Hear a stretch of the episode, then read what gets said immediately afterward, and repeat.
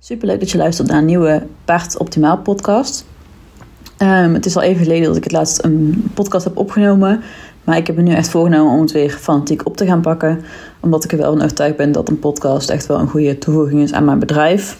Want met een podcast is het toch gewoon een stuk makkelijker om uh, ja, kennis te delen dan in een Instagram post bijvoorbeeld. Want dat, uh, uh, Instagram post is natuurlijk veel compacter. En ehm, een blog op een website, ja, het schrijven van een blog kost toch gewoon wat meer tijd dan het uh, inspreken van iets. Uh, dus mocht je me nog niet op Instagram volgen, dan uh, raad ik je zeker aan het ook te doen. Op nou ja, gewoon Paard Optimaal. Daar deel ik ook bijna iedere dag wel ja, nuttige informatie over voeding op. Um, maar ja, ik, wil dus, ik ben dus van plan om nu de komende tijd, of in principe gewoon voortaan, meer podcasts op te gaan nemen. Um, het zullen over het algemeen ook podcasts zijn die specifiek op één, over één onderwerp gaan en daardoor ook waarschijnlijk wat korter zullen zijn, omdat niet over alle onderwerpen even veel te vertellen is. Dus ja, um, misschien dat de ene keer zal misschien wel een half uur zijn, de andere keer maar tien minuten bijvoorbeeld. Um, en mocht je nou bepaalde onderwerpen graag willen horen in de podcast, stuur me dan ook zeker even een privébericht op Instagram. Want uh, ja, ik kan zeker inspiratie gebruiken. Dus als je iets specifieks wil horen, dan laat het zeker even weten, want dan kan ik daar iets mee doen. Of als je echt een vraag hebt, dan uh, kan ik die in de podcast beantwoorden. Want ik, ja, ik heb al een hoop ideeën, maar ik kan zeker nog meer ideeën gebruiken. Dus ik hoor graag wat jullie graag willen horen. Um, ik, had, ik was eigenlijk van plan om het voor deze podcast, nou ja, in ieder geval met de eerste afleveringen, wilde ik eigenlijk heel netjes gaan opbouwen naar, um, nou, er gewoon een structuur in mijn podcast zit. Zodat Um, we beginnen bij het begin en dat heb ik dus ook gedaan met uh, de podcast over evolutie volgens mij. Of waar het paard vandaan komt en dan spijsvertering. Um, en ik, wou eigenlijk, ik heb nu dan ook al balancers gedaan, maar eigenlijk was het idee om dan nog voedingsstoffen te doen, uh, ruwvoer, krachtvoer. Maar ik merkte eigenlijk dat ik gewoon daardoor niet echt podcasts op ging nemen. Omdat ik het gevoel had dat ik een beetje vast zat in die structuur. Dus toen heb ik voor mezelf besloten dat ik maar gewoon datgene ga opnemen waar ik zin in heb. Um, dus die structuur heb ik een beetje losgelaten en ik ga gewoon vertellen over datgene waar ik zin in heb dus. En vandaag ga ik het hebben over um, het verschil tussen hooi, voordroog en kuil. Um, ik merk dat vooral hooi en voordroog en voordroog en kuil ook best wel vaak door elkaar heen gebruikt worden. En dat maakt het niet duidelijker. zeker als voedingsadviseur is het voor mij als, je, als iemand een voedingsadvies aanvraagt, is voor mij heel belangrijk om te weten of een paard uh, voordroog of hooi krijgt. Of kuil, maar dat echt kuil krijgen eigenlijk heel weinig paarden. Maar het is voor mij dus heel belangrijk om te weten wat je paard nou specifiek krijgt. Want dat kan best wel te maken hebben met klachten of uh, ja, andere dingen waar je je paard tegenaan loopt. Ik maak het wel eens mee dat uh, iemand aangeeft van uh, nou, een paard krijgt onbeperkt hooi. En dan lees ik verder en dan komt, komt eigenlijk toch uit dat het paard voordroog krijgt. Of uh, het paard krijgt hooi, maar heeft klachten waarvan ik denk... zou het paard toch geen voordroog krijgen? En dan vraag ik door en dan krijgt het paard inderdaad voordroog. Terwijl die eigenaar het dan wel hooi noemt. Maar dat is voor mij dus wel een heel belangrijk onderscheid. Dus daarom vond ik dat wel goed om daar een keer een podcast over te maken. Ik heb er ook al een keer een Instagram post over gemaakt wat nou het verschil is. En er, zijn, er is discussie over um, wanneer je nou precies wat gebruikt. Maar dit zijn dus in ieder geval de termen die ik gebruik en die, die ook veel, um, nou ja, de mensen van wie ik van alles geleerd heb en zo gebruiken ook deze termen. Um, dus het leek me wel goed om dit een keer in een podcast te bespreken, zodat mijn klanten, potentiële klanten, daar ook wat meer um, duidelijkheid in hebben. Ik ga even beginnen met kuil, want daar kan ik eigenlijk vrij kort over zijn. Ik zie heel vaak bijvoorbeeld op Facebook of in voedingsadviezen dat een paard kuil krijgt. Maar, nou ja, dat wordt dan gezegd. Maar er zijn maar heel weinig paarden die echt kuil krijgen. En dat is maar goed ook.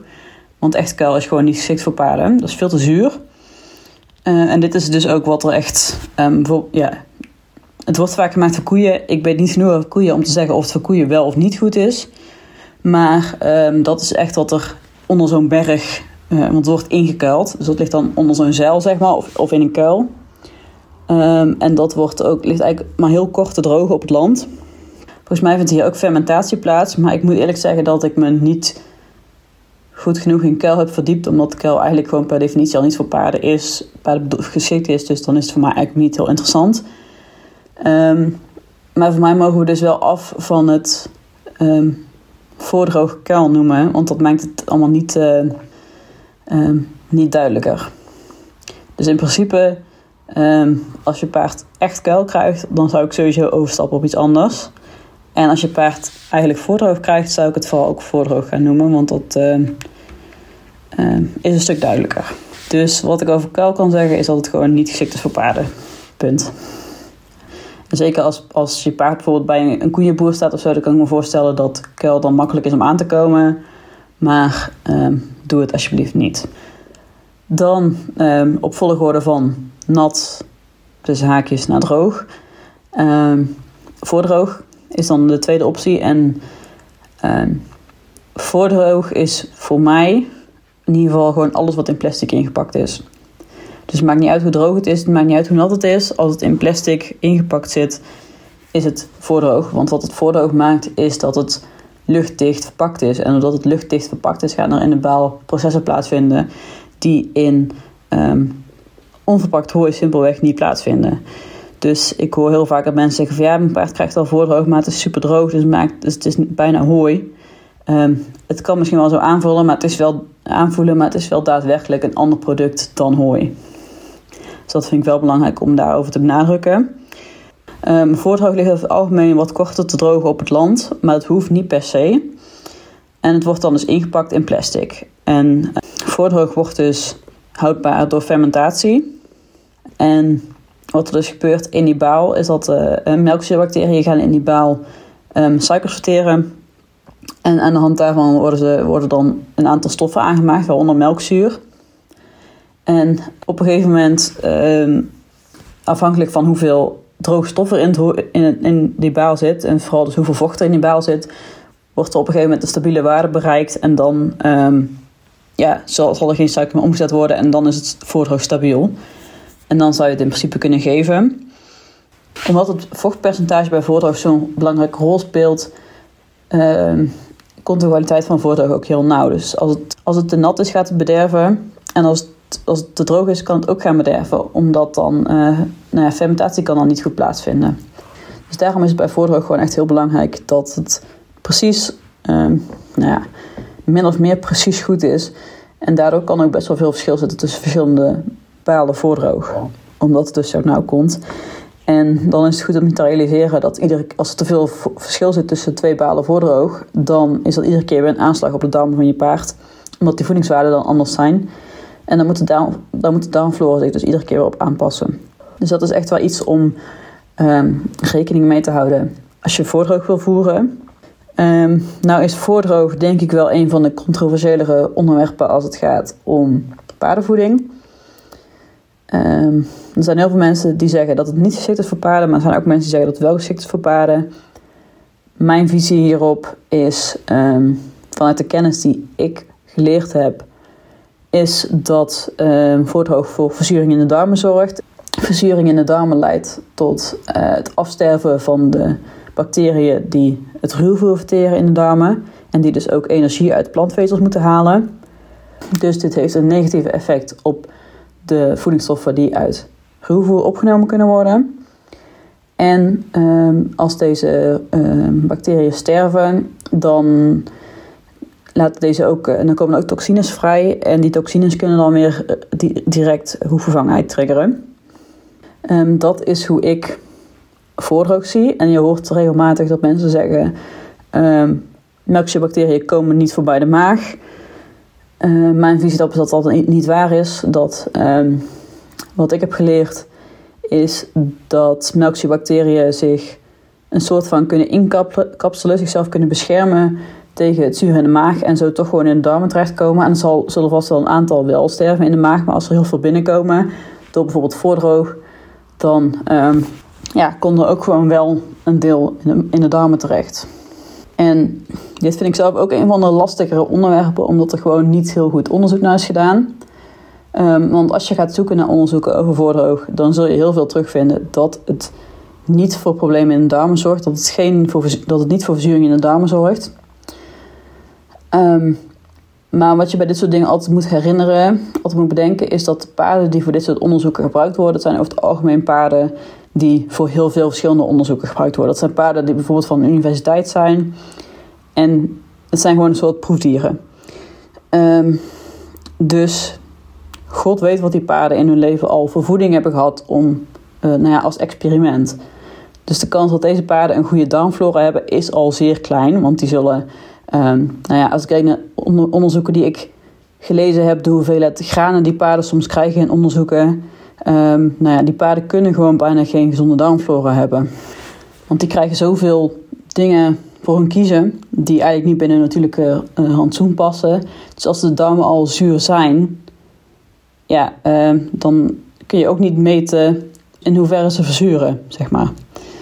Terwijl als je bijvoorbeeld gewoon echt een paard uit de natuur zou plukken die gewend is om uh, echt gewoon natuurlijk ruwvoer te eten, wat kruiden, planten, dat soort dingen.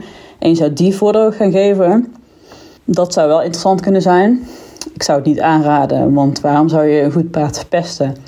Maar, uh, nou ja, dat dus. En zulke onderzoeken worden vaak maar een paar weken ge, gedaan. En um, volgens mij moet je voordroog ongeveer wel een week of drie geven voordat je echt verschillen gaat zien. Naast dat je, als je te snel overstapt, dat het dan ook voor problemen kan zorgen.